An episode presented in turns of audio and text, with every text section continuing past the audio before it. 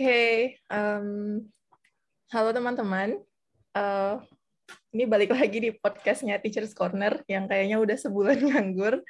Um, semoga teman-teman dalam keadaan yang sehat, uh, masih karena pandemi, so stay safe. Um, hari ini kita punya satu narasumber, teman lama, Syah, uh, yang udah kayaknya dua tahun ya Iya dua tahunan. Tiga tahun, tiga tahun, mungkin tiga tahun.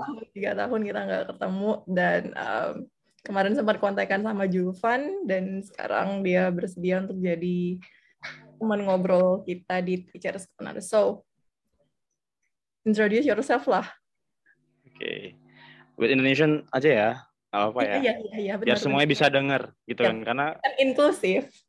Karena inklusif ya kan, jadi semuanya harus sama, yep, setara. Oke. Okay. Exactly. Uh, halo kawan-kawan, teman-teman semuanya. Kenalin nama aku Zulfan Mukri, panggil aja Zulfan gitu kan. Jadi aku ini gimana bilangnya? Bisa dibilang pendidik sih, educator gitu kan. Atau guru sih gitu. Karena emang pada dasarnya guru dengan pendidik itu beda gitu. Exactly. Ah, differentnya itu beda. Oke. Okay aku ngajar itu di SD, salah satu SD di Kabupaten Deli Serdang, Sumatera Utara. Sebenarnya kalau dibilang kejurusan, aku itu udah nggak linear karena yang harusnya mengikuti base curriculum 2013 itu aku tuh lari jurusan. Aku ngajar di pendidikan bahasa Inggris. Sementara anak-anak SD itu lagi nggak di apa ya nggak dibolehin untuk belajar bahasa Inggris waktu SD karena bahasa Inggris itu menurut kurikulum harus dimulai startnya sejak high school, SMP atau SMA gitu. Jadi Cuman karena ini peraturannya sorry. Waktu aku masuk ngajar di 2015 itu udah mulai berlaku.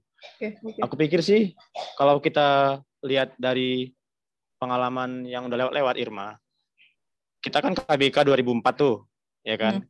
KBK 2004 tuh kayak masih ada bahasa Inggris di SD kalau nggak salah ya.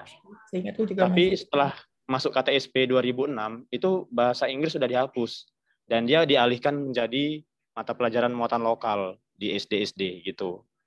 SD oh, negeri gitu. sih, kita nggak bilang SD swasta gitu ya. Okay. Mungkin di sebagian swasta dia ada yang uh, masih menggunakan bahasa Inggris sebagai materi materi yang utama gitu kan materi pokoknya gitu. Tapi di negeri-negeri itu udah dianggap sebagai materi muatan lokal, optional lah kita bilang, bisa dipakai bisa enggak gitu. Jadi aku ngajar sebagai guru bahasa Inggris di salah satu SD di Serdang, Sumatera Utara. Hmm? Di level apa? Kelas berapa? Aku dari kelas 1 sampai kelas 6. Oh, semua. Oh, wow. Oke. Okay. Karena emang aku guru satu-satunya di situ yang untuk bahasa Inggris gitu kan tapi aku masih honor sih gitu masih guru honor hmm. dari tahun 2015 lah aku udah ngajar sebelum sebelum dapat gelar S1 lah oh oke okay. hmm.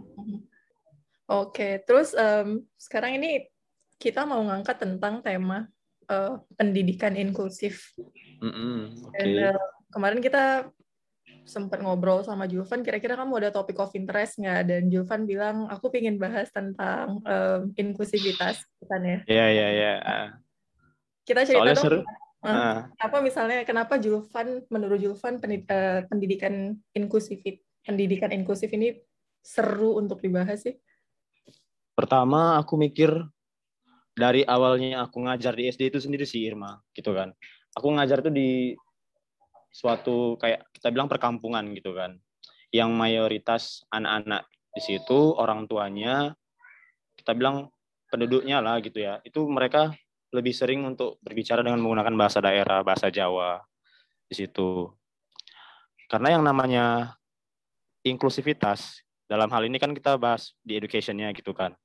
Nggak hanya soal disability sih karena yang namanya inklusif itu di pendidikan nggak cuma yang namanya kita itu mencakupi anak-anak yang memiliki latar belakang disability dalam suatu kelas, tapi juga anak-anak yang kita bilang nggak privilege gitu loh. Seperti tadi saya yang kayak aku bilang, yang anak-anak yang tiap harinya yang menjadikan bahasa daerah sebagai bahasa utama, terus anak-anak yang putus sekolah, yang drop out gitu kan, anak-anak yang mungkin kita bilang lebih senang untuk bantu orang tuanya bekerja dari pagi, tapi kayak nggak ada waktu lah untuk belajar gitu kan. Itu mereka juga kita anggap sebagai kumpulan inklusif students gitu. Jadi aku kayak apa ya interest aja gitu untuk meneliti soal itu sehingga mungkin untuk memulai itu aku bisa nyari nyari tahu dari anak-anak disabilitas tadi, anak-anak difabel gitu. Hmm, hmm. Jadi itu sih intinya. Iya ya. Nah benar banget. Aku tuh um, highlight poin kamu banget tentang inklusif ini bukan cuma tentang um, anak-anak difabel. Mm -hmm.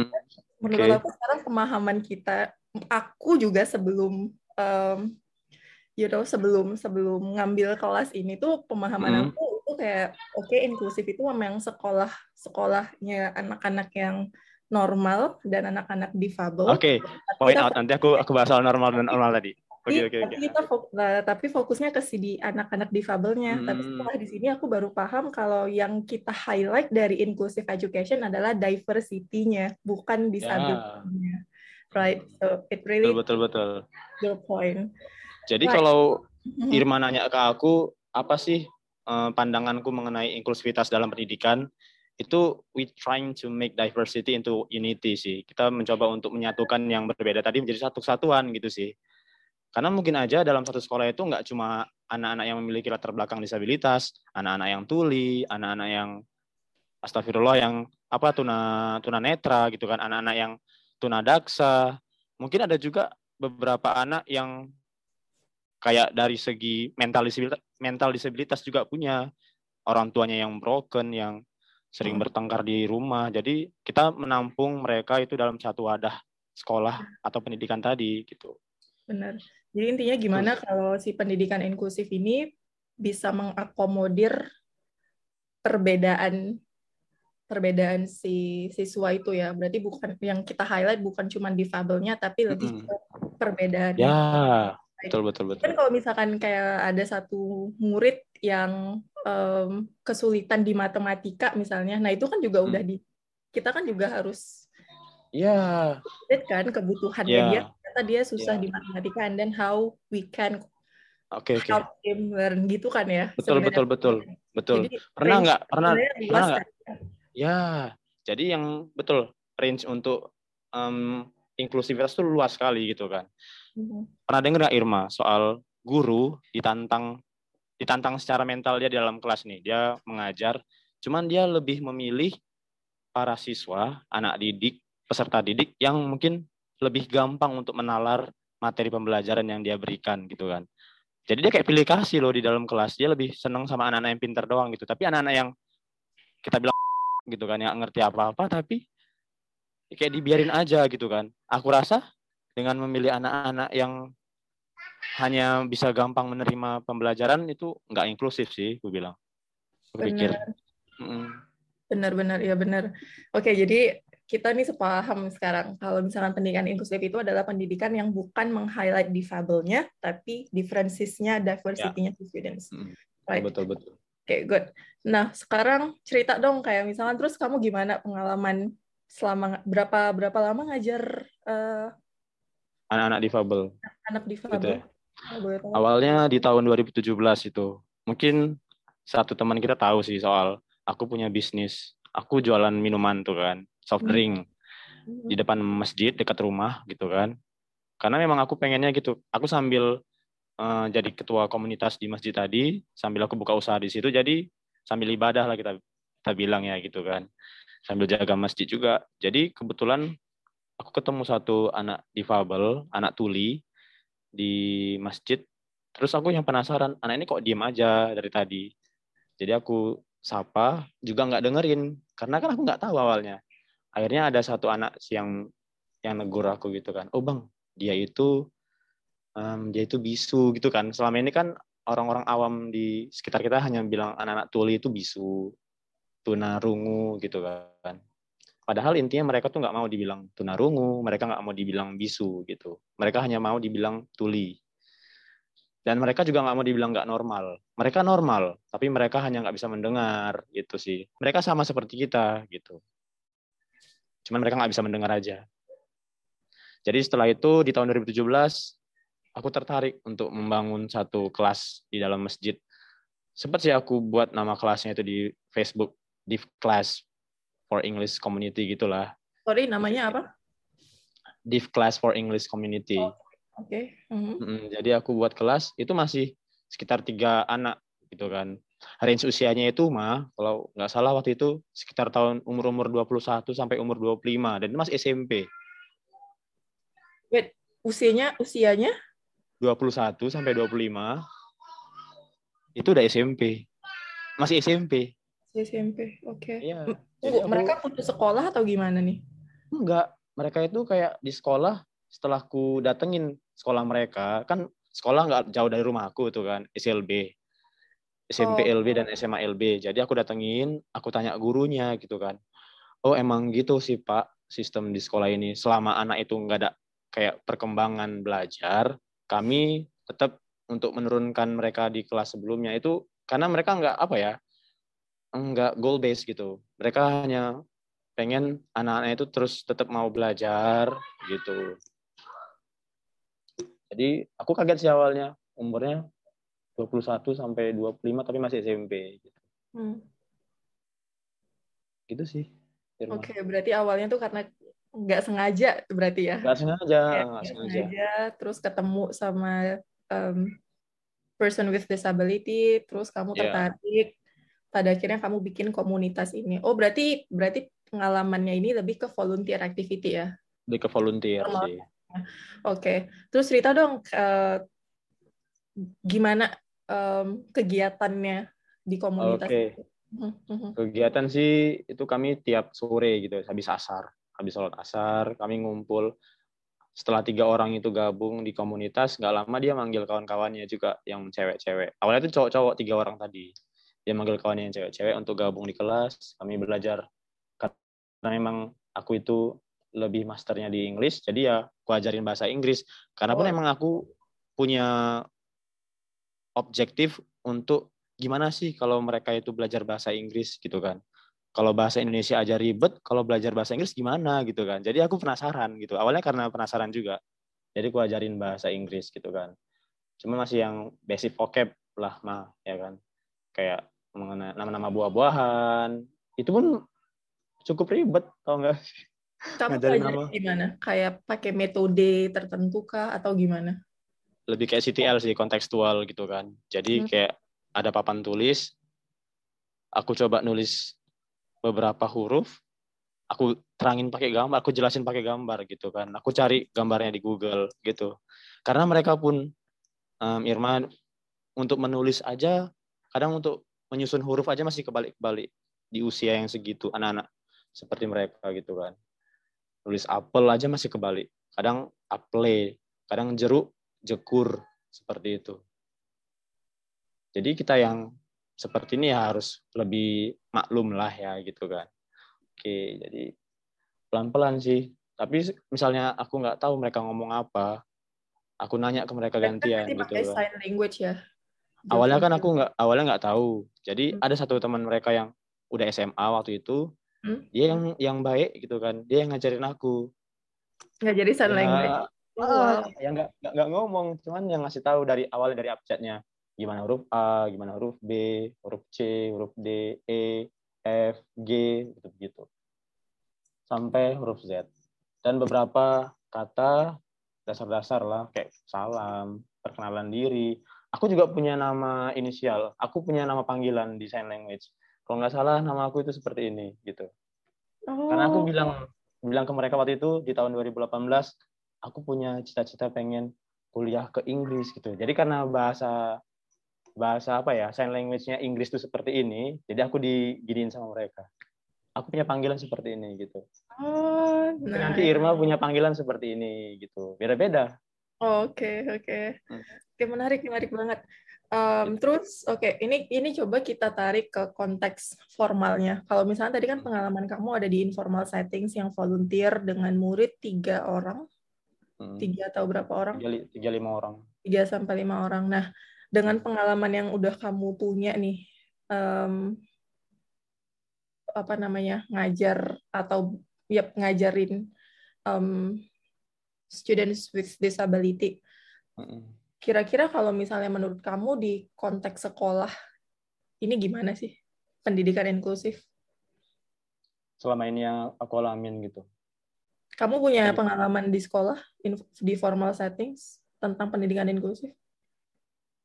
Aku belum ada pengalaman sih, cuman yang selama ini ku jalanin ya masih sekolah reguler yang biasa aja gitu kan. Tapi sih ada sih Irma. Waktu itu satu anak dengan hidrosepalus di kelas 2, dia kayak murid pindahan gitu, siswa pindahan. Entah dari mana aku lupa. Dia pindah ke situ. Balik sih dari yang tadi aku bilang di awal. Guru-guru yang udah ngajar di situ, yang guru kelas. Aku kan bukan wali kelas, aku kan di muatan lokalnya, aku di bidang studi yang mengajar ke semua kelas. Tapi waktu itu guru yang di kelas 2 itu kayak kita dipilih kasih gitu kan Hmm. dia kayak dianggap nggak ada gitu anak tadi. Namanya Raka kalau nggak salah. Dia punya hidrosepalus di kepala gitu. Kan kasihan sih. Aku yang sering deketin aku ada fotonya nggak sih? Kayak nggak. Ada okay. udah lupa udah lupa. Dia baik gitu kan. Nah um, ini kita coba bicara tentang perspektif guru. Karena kan kita sebagai guru ya kita hmm. sama-sama punya pengalaman uh, ngajar. Aku juga punya pengalaman um, ngajar satu orang murid yang um, experience atau didiagnosa mm. Uh, di difabel gitu. Um, nah tadi balik ke konteksnya kamu yang bilang guru pilih kasih gitu-gitu kan ya. Tapi sebenarnya, well, ini bukan pembelaan sih. Tapi mungkin ada beberapa alasan yang yang mungkin bisa kita yang bisa kita highlight kenapa misalnya guru itu pilih terlihat pilih kasih gitu kan ya. Nah, aku ngerasa kayak ada beberapa yang kita kayaknya belum disiapkan untuk menghadapi betul, um, betul, ya. pendidikan inklusif ini kayak gitu. Kayak misalnya aku yang latar belakangnya bahkan di pendidikan bahasa Inggris juga, yang harusnya gurunya juga ngajarin bahasa Inggris, tapi nggak diperkenalkan lebih lanjut tentang ini loh, student differences-nya ada diperkenalkan, tapi student differences yang nggak, you know, yang yang belum dalam. Jadi kan memang pembahasan tentang inklusif ini memang belum nge-touch ke sisi gurunya gitu. Baik. Yes. Di Medan ada sih kayaknya satu sekolah inklusif gitu. Cuman emang udah berlaku di SMA dia, SMP SMA. Tapi yang sejauh kita lihat untuk SD sendiri kayak emang nggak ada SD reguler. Mungkin hmm. tadi sih yang SDLB itu sekolah khusus dia. Benar-benar. Hmm. Jadi um, so menurut kamu nih kalau misalkan dari sisi pendidik gimana? Hmm apanya tuh? Sisi seorang guru nih tentang si pendidikan inklusif ini. Gimana sih sebenarnya stance-nya guru? Harusnya gimana? Terus apa sih oh. yang harusnya sebenarnya how do we behave kayak gitu? Hmm, Oke, okay. jadi kalau menurut aku sih yang namanya pendidikan inklusif itu memang harusnya udah bisa diberlakukan di seluruh sekolah gitu kan. Apalagi yang kalau kita bilang SD, SD, SMP, SMA yang dengan fokusnya ke luar biasa itu masih sangat jarang. Lokasinya pun jauh gitu kan. Kayak di kotaku sendiri di Binjai itu masih satu sekolah yang khusus untuk anak-anak luar biasa. Anak-anak yang punya latar belakang background disability gitu kan. Seandainya lah satu daerah ini harus sekolah di sana dengan jarak yang jauh gitu kan. Jadi dengan jarak tempuh yang jauh pasti memerlukan biaya yang nggak dikit gitu kan untuk belajar tiap hari. Dan mereka pun nggak semua orang tua anak-anak dengan latar belakang disability itu cukup materi untuk membiayai kebutuhan tiap hari gitu kan. Ya mungkin apa salahnya kalau pemerintah itu memperlakukan sekolah disabilitas, sekolah-sekolah inklusif untuk anak-anak seperti tadi itu. Mungkin pada awalnya bisa di training guru-guru untuk menerima konsep pembelajaran seperti ini gitu. Nah, menurutku tuh kayak ada, ya benar. Terus, iya, terus. jadi ada persiapan gitu kan. Apalagi yang you know lah yang SDGs 2030 itu yang equality, terus yang ya kan mm-hmm. pendidikan merata, kesetaraan, you know. Jadi gimana kita mau menghadapi kesetaraan tapi masih membeda-bedakan orang gitu kan. Masih membeda-bedakan orang. Masih ya siapa? Anak ini siapa? Anak ini. Kau aja yang ngajarin, jangan aku gitu kan. Gitu kan. Terus yang anak tadi nggak bisa melihat se aku nggak bisa ngelihat uh, kepalaku nutup gitu kan. Soalnya kan hidrosefalus tadi kan agak gede kepalanya sorry gitu kan. Jadi nggak kelihatan. Aku deketin deket meja guru gitu kan di sebelah aku belajarnya dia sendirian gitu. Kasihan sih awalnya. Tapi ya balik lagi ke rasa kasihan tadi mereka itu nggak mau dikasihani Irma. Benar. Sih. Ya dari pengalaman pengalaman pengalamanku sih kayak gitu. Mereka itu nggak mau dikasihani. Mereka cuma mau diberi wadah untuk bisa dianggap sama gitu kan. Seperti yang inklusivitas tadi itu di konsep gitu kan. Hmm. karena kalau dari UNICEF sendiri sih mereka apa ya mengartikan pendidikan inklusif tadi sebagai every children itu has the same class and has the same education gitu kan. No child left behind. Ya nggak boleh tertinggal gitu kan dan mereka yeah. punya hak untuk itu semua. Benar.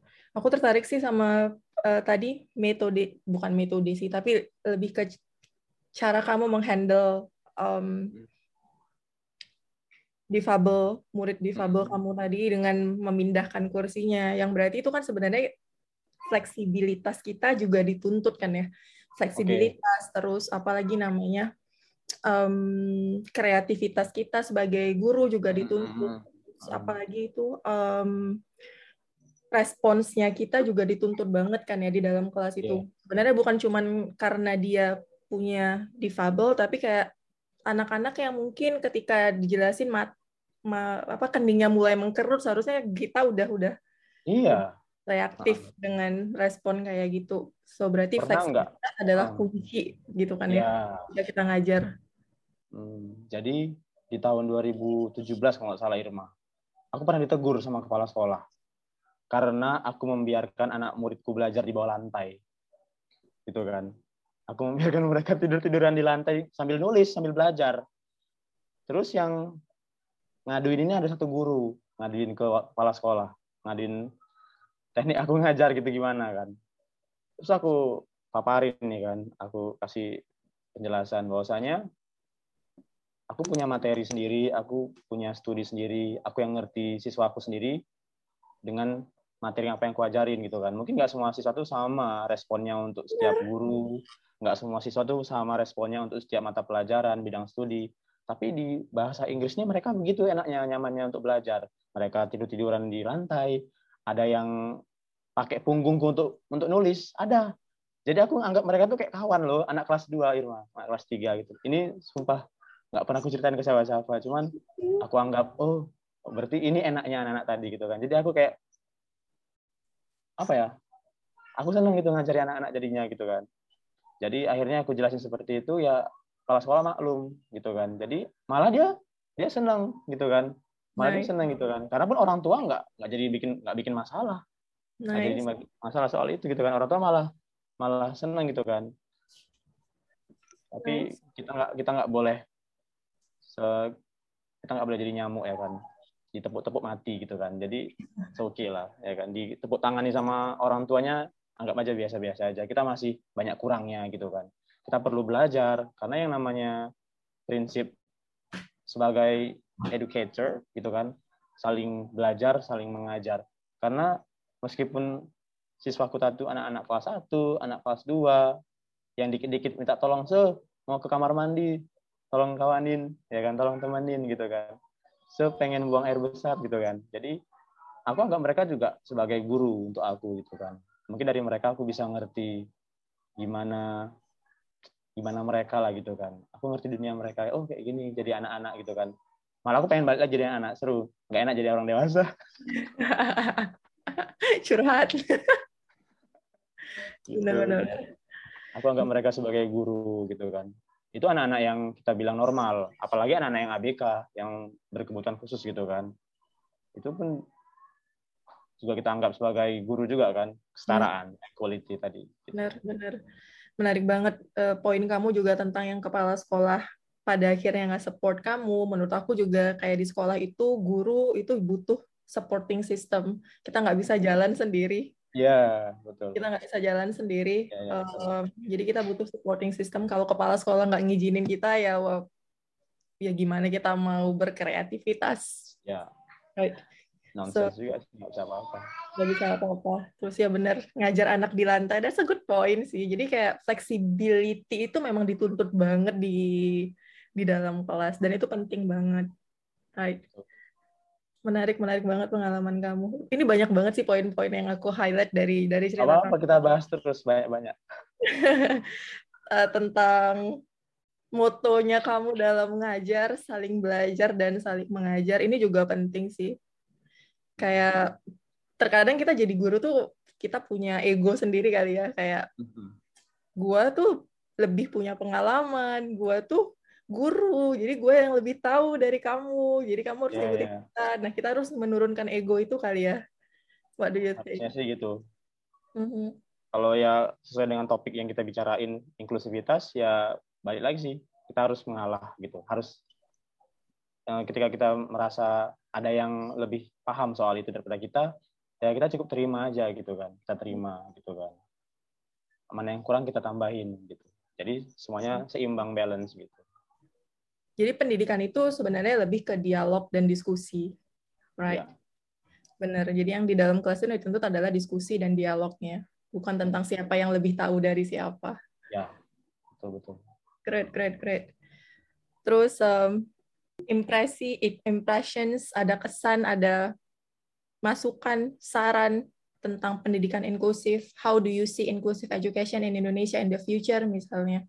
Apa sih yang mungkin kita sebagai pendidik bisa lakukan untuk um, achieve um, apa equity in in education misalnya untuk semua anak? Menurut um, pengalaman yang menurut kamu berdasarkan pengalaman kamu? Yang bisa kita lakukan ini untuk menggapai itu ya, untuk mencapai, untuk mencipta tadi ya, mm-hmm. supaya kesetaraan. Hmm, kesetaraan tadi di pendidikan. Aku pikir sih tadi yang kita bilang Irma, guru-guru itu dari di training duluan, karena segala sesuatu itu meskipun tadi aku mutuin um, apa namanya saling mengajar, saling belajar gitu kan. Tapi tetap kita sebagai orang dewasa, kita yang sudah lebih mendalami pendidikan lebih dulu daripada anak-anak tadi, harusnya kita yang um, lebih merasa untuk menerima, dilatih lagi, belajar lagi untuk menerima pendidikan inklusif tadi gitu kan. Perspektif. Percuma aja, percuma aja kalau sistem dijalankan, tapi kita nggak punya base untuk tadi itu untuk menerima tadi, akan sia-sia juga sih gitu kan.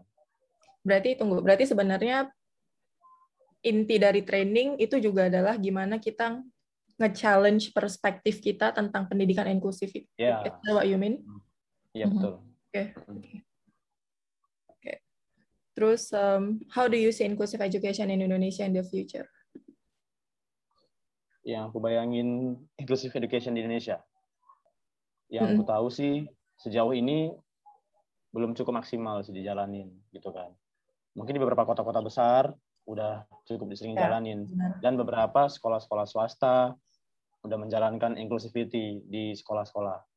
Cuman di daerah-daerah yang kurang disorot gitu kan, yang cukup jauh dari pusat kota, ya anggap saja semua inclusivity itu hanya sebagai istilah awam gitu, ya terlalu dikenal sama masyarakat. Benar, benar, benar. Jadi pandanganku sih ke situ gitu kan belum rata lah gitu kan.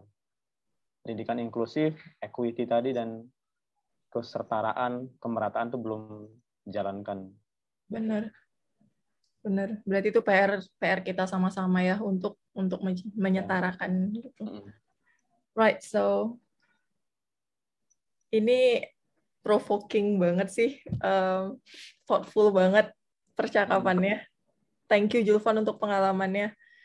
Um, untuk motonya saling belajar dan saling mengajar kayak kita yang beneran harus um, apa namanya menekan ego kita. Dan, dan kita juga challenge perspektif kita sebagai seorang pendidik. Kita nggak boleh stagnan kita harus dinamis sebagai seorang pendidik terus pendidikan inklusif adalah pendidikan untuk semua orang semua anak kita meng-highlight diversities dan differences bukan disability-nya. Ya. Terus um, poin kamu juga tentang satu lagi sih Irma. Mm -hmm. Ada lagi sih. Sebetulnya podcast semacam ini udah dianggap sebagai satu media advocacy gitu kan untuk anak-anak seperti itu. Apalagi nanti kalau udah berkembang nih podcast Irma sampai ke YouTube konten. Irma buat YouTube yang nggak sekedar audio gitu kan, yang langsung visual. Jadi ada subtitlenya. Jadi anak-anak yang mungkin kita bilang punya um, ABK tadi berkebutuhan khusus bisa nonton, bisa ngelihat gitu kan. Gimana kita aware-nya ke mereka gitu kan. Mereka nggak butuh kasihan, mereka hanya butuh awareness kita aja. Benar. Kita itu benar. sadar nggak gitu kan. Kita tuh peduli nggak ke mereka gitu. Benar. Benar. itu balik jadi, ke poin. Hmm. Itu balik ke poin kamu sih tadi tentang um, apa mereka nggak mau dikasihani. Berarti kan kita sebenarnya mereka nggak mau dikasih label ya menurut ya. aku sekarang ini masalah kita adalah kita terlalu cepat melabel orang dan ketika hmm. label udah terjadi apa namanya kayak attitude kita, sikap kita, perspektif kita tuh mengikutin jadinya dan that, that determines how we um, apa sih kayak that determines how we see people with disability. Yeah. How we jadi, react gitu kan. Yep, jadi salah jadi, paham ujungnya. Jadi salah paham benar karena label sebenarnya mereka beneran. Yep. Suara bener. motor lewat. Dan masalah normal normal ini juga sebenarnya rancu banget sih sebenarnya apa sih yang yang dimaksud normal dari mana sih datangnya normal terus gimana sih kamu bisa mendefinisikan diri kamu normal normal tuh karena kamu kamu merasa normal karena kebanyakan orang sama kayak kamu terus kalau misalnya hmm. ada orang yang nggak sama kayak kamu kamu bilang dia abnormal itu kan social construction banget yang harus didebatkan sebenarnya right dan itu sangat kasar bahasanya kasar banget ya kasar, kan? kasar hmm. kan gitu kan jadi kayak ada standar tertentu kan. Hmm, PR untuk kita sebagai pendidik gitu kan. Kita coba untuk membuat apa ya literasi inklusivitas gitu kan. Karena sebagian anak-anak dengan latar belakang ABK tadi itu belum sadar soal literasi gitu kan. Mereka nggak nggak tahu tuh um, gimana mereka dianggap.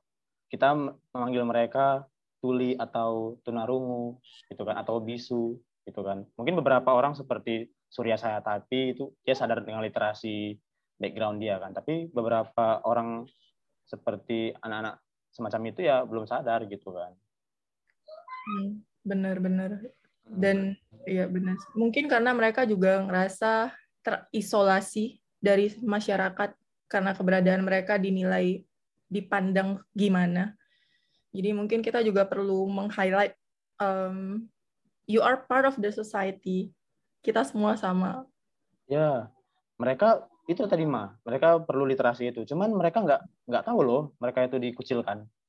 Mereka mereka itu seperti tawon, seperti lomba. Ketika bertemu dengan kawan-kawan yang memiliki satu background, ya kompak gitu kan. Yang awalnya kita ini sebagai ya, kita ini guru nih ngajarin anak-anak tadi. Terus yang kayak tiba-tiba itu kita dikucilkan. Kita yang malah dipinggirkan gitu kan dianggap nggak ada di ruangan itu ketika mereka bertemu dengan kawan-kawan sesama gitu kan ya kita ya oh oke okay, seperti ini rupanya gitu kan kayak kawanku sih pernah cerita dia lagi belanja di Alfamart gitu kan. Sorry lagi ke supermarket gitu kan. Jadi kayak belanja di kasir dia coba mau akrab nih mau make friends lah sama anak seperti itu. Dia nanya ke aku jadinya di Instagram DM gimana ya Zul? Aku ketemu sama orang-orang yang kayak gini. Terus aku coba nyapa tapi kayak diacuhin gitu kan. Dicuekin lah kita bilang gitu. Jadi oh bang itu biasa aja sih bang. Anak-anak seperti itu yang kayak gitu. Tapi kalau abang senyum itu udah kayak nusuk ke feeling kali itu. Intinya kita banyak senyum aja. Jangan banyak muka-muka. Gak enak sih ke mereka. Intinya nggak usah baper dulu deh ya. Ya ya ya betul. Ya. benar benar ya berarti oke okay, berarti oke. Okay. sebenarnya ini impas sih. Jadi kayak gimana kita ngelihat mereka dan gimana mereka ngelihat kita. Jadi kayak kita nggak hmm. boleh ngejudge mereka langsung. Karena mungkin um, perlakuan perlakuan mereka ke kita itu juga menurut mereka adalah lalu ngelihat gue kayak gini gue juga bisa dong kayak gitu. Nah yang kayak gitu kan gapnya yang harus kita sebagai pendidik itu harus bisa dijembatani right? Dan kita harus menciptakan lingkungan yang aman dan nyaman di sekolah di kelas untuk untuk anak-anak semuanya.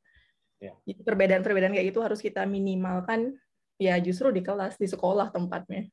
Ya.